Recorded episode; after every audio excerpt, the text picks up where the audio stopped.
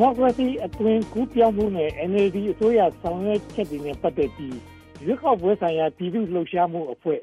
People's Alliance for Credible Election PACE အဖွဲ့ကလွန်ခဲ့တဲ့နှစ်ကစစ်တမ်းနှစ်ခုထုတ်ဝေထားပါတယ်။ပထမစစ်တမ်းကိုဇန်နဝါရီလမှာထုတ်ဝေပြီးဒုတိယစစ်တမ်းကိုစက်တင်ဘာလမှာထုတ်ဝေပြန်ပါတယ်။ဝါရှင်တန်အခြေစိုက် NDI National Democratic Institute နဲ့ UK8 တို့ကငွေကြေးနဲ့နည်းပညာအကူအညီပေးတာကြောင့်အခုလိုပြည်သူ့သဘောထားစစ်တမ်းတွေကိုကောက်ယူနိုင်တာဖြစ်ပါတယ်။ Asia Foundation ကလည်း2014မှာပြည်သူ့သဘောထားစစ်တမ်းထုတ်ပြန်ခဲ့မှုပါတယ်။နိုင်ငံရေးအစိုးရနဲ့ပတ်သက်တဲ့သတင်းအချက်အလက်တွေကိုသိရှိလူစိတ်ရှိဖို့ကိစ္စဟာဒီမိုကရေစီအသွင်ကူးပြောင်းရေးမှာအရေးကြီးပါတယ်။ဒါပေမဲ့ NLD အစိုးရတက်စမှာနိုင်ငံရေးစိတ်ဝင်စားသူ 60ရာခိုင်နှုန်းလောက်ရှိခဲ့ရာက2018ရောက်တော့40ရာခိုင်နှုန်းပဲရှိတော့တယ်လို့ဆိုပါတယ်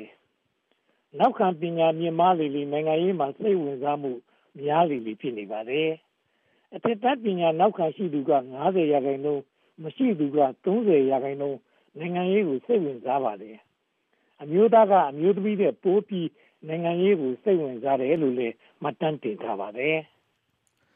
ပြည်သူအချင်းချင်း ယုံကြည်မှုနဲ့ မတူကွဲပြားတာကို လက်ခံနိုင်မှုဟာ ဒီမိုကရေစီစနစ်ရဲ့ အရေးကြီးတဲ့ အခြေခံတစ်ခု ဖြစ်ပါတယ်။တွေ့ဆုံမေးမြန်းထားသူ80ရာခိုင်နှုန်းနီးပါးက အချင်းချင်း ယုံကြည်မှု မရှိဘူးလို့ ဆိုပါတယ်။မူရစေဝါသုံးစွဲသူနဲ့ အိမ်နီးချင်း မဖြစ်လို့သူက60ရာခိုင်နှုန်းလောက် ရှိပါတယ်။အရက်သမားနဲ့ အိမ်နီးချင်း မဖြစ်လို့သူက40ရာခိုင်နှုန်းရှိပြီး လိန်တူချင်း ပေါင်းသင်းဆက်ဆံသူတွေနဲ့ အိမ်နီးချင်း မဖြစ်လို့သူက30ရာခိုင်နှုန်း ရှိပါတယ် ကိုးကွယ်ယုံကြည်မှု မတူသူတွေနဲ့ အိမ်နီးချင်း မဖြစ်လိုသူကတော့20ရာခိုင်နှုန်း ရှိပါတယ်။ပြည်သူအချင်းချင်း ယုံကြည်မှုမှာ အားနည်းပြီး မတူကွဲပြားမှုကို လက်ခံနိုင်တဲ့ စွမ်းအားလည်း နည်းပါးနေပါတယ်။ NLD အစိုးရ တက်လာတဲ့2016မှာ နိုင်ငံရေးစိတ်ဝင်စားသူ60ရာခိုင်နှုန်း ရှိရာက2018စစ်တမ်းမှာ40ရာခိုင်နှုန်းအထိ ကျဆင်းသွားပါတယ်။လွန်ခဲ့တဲ့၄နှစ်2014မှာ Asia Foundation က ပြည်သူ့သဘောထားစစ်တမ်း ကောက်ယူတုန်းကလည်း ပြည်သူတွေတဦးနဲ့တဦးမယုံကြည်ကြဘူးလို့ပြောသူက80ရာခိုင်နှုန်းရှိပါတယ်။အနည်း90ဖိနှိပ်ခံရတဲ့လူအဖွဲ့အစည်းဖြစ်တာမို့မဲဆန္ဒပေးဖို့စိတ်ဝင်စားကြပေမဲ့နိုင်ငံရေးကိုစိတ်ဝင်စားဘူးလို့ဆိုပါတယ်။နိုင်ငံရေးမှာပါဝင်မှုနဲ့ဆွေးနွေးမှုကိုအနည်းအဖြစ်မြင်ခဲ့တဲ့အကျင့်တလေးကိုဖျောက်ဖျက်နိုင်ဖို့ကက်ခဲနေပုံရပါတယ်။လူကြီး3000မှာနိုင်ငံရေးစိတ်ဝင်စားသူက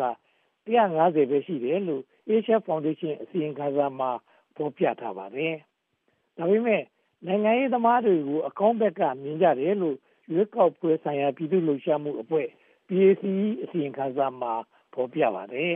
။အစိုးရဟာ မိဘနဲ့တူပြီး ပြည်သူလူထုကို စောင့်ရှောက်ရမယ်လို့ မြင်သူက65ရာခိုင်နှုန်း ရှိပါတယ်။နိုင်ငံသားအခွင့်အရေးနဲ့ နိုင်ငံရေးအခွင့်အရေးတွေမှာ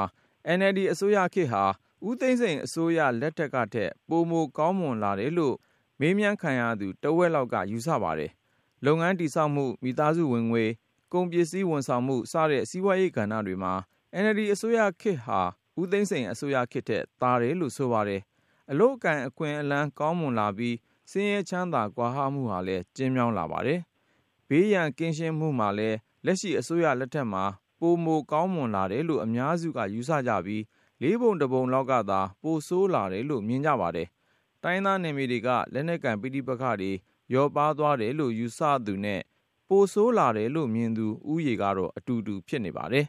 ။ရရကိစ္စ စုဝေးဆွေးနွေးပွဲ လွတ်တော်ကိုယ်စားလှယ်နဲ့ တွေ့ဆုံပွဲ ပြည်သူ့နီတိတင်ဒန်း ဆန္ဒထုတ်ဖော်ပွဲ လက်မှတ်ထိုးတောင်းဆိုပွဲစတဲ့ နိုင်ငံရေးလှုပ်ရှားမှုတွေမှာ ပါဝင်သူ55ရာခိုင်နှုန်းလောက် ရှိတယ်လို့ PACE အဖွဲ့ အစီရင်ခံစာမှာ ဖော်ပြပါတယ်။ကျေးလက်ဒေသမှာတော့ပါဝင်သူဦးရေ90ရာခိုင်နှုန်းလောက်ရှိတဲ့အတွက်နိုင်ငံရေးလှုပ်ရှားမှုမှာပါဝင်သူပုံမများပြားတယ်လို့ဖြစ်နေပါတယ်။နိုင်ငံရေးသမားတွေဟာရွေးကောက်ပွဲကာလမှာပေးထားတဲ့ကတိတွေကိုရွေးကောက်ပွဲပြီးတဲ့အခါမှာအကောင့်ထဲပေါ်ဖို့ပြက်ကွက်ကြတယ်လို့မင်းမြန်ခံရသူ90ရာခိုင်နှုန်းကဖြေပါတယ်။အစိုးရဆေးရုံနဲ့ဆေးပေးကိုင်းရဲ့ကျန်းမာရေးဝန်ဆောင်မှုအခြေအနေကိုမေးမြန်းတဲ့အခါမှာ ပုံမကောင်းမွန်လာတယ်လို့ 60 ရာခိုင်နှုန်းကဖြေပြီး 18 ရာခိုင်နှုန်းကသာ အပြောင်းအလဲ မရှိဘူးလို့ ဆိုပါတယ်။စာရိုက် မိုဘိုင်းဖုန်း အင်တာနက်စတဲ့ ဆက်သွယ်ရေးဝန်ဆောင်မှု အခြေအနေဟာလည်း လက်ရှိအစိုးရလက်ထက်ကပုံမကောင်းမွန်တယ်လို့ပေးမြန်းခံရသူ90ရာခိုင်နှုန်းက ဆိုပါတယ်။တာရှင်းတဲ့ရေ သုံးစွဲနိုင်မှုမှာလည်း လက်ရှိအစိုးရလက်ထက်ကပုံမကောင်းမွန်တယ်လို့60ရာခိုင်နှုန်းက ဖြေပါတယ်။ တပ်မတော်ကိုယ်စားလှယ်လုံးဝမရှိသင့်ဘူးလို့ဖြေကြားသူက30ရာခိုင်နှုန်းကျော်ရှိပါတယ်ခင်ဗျာ။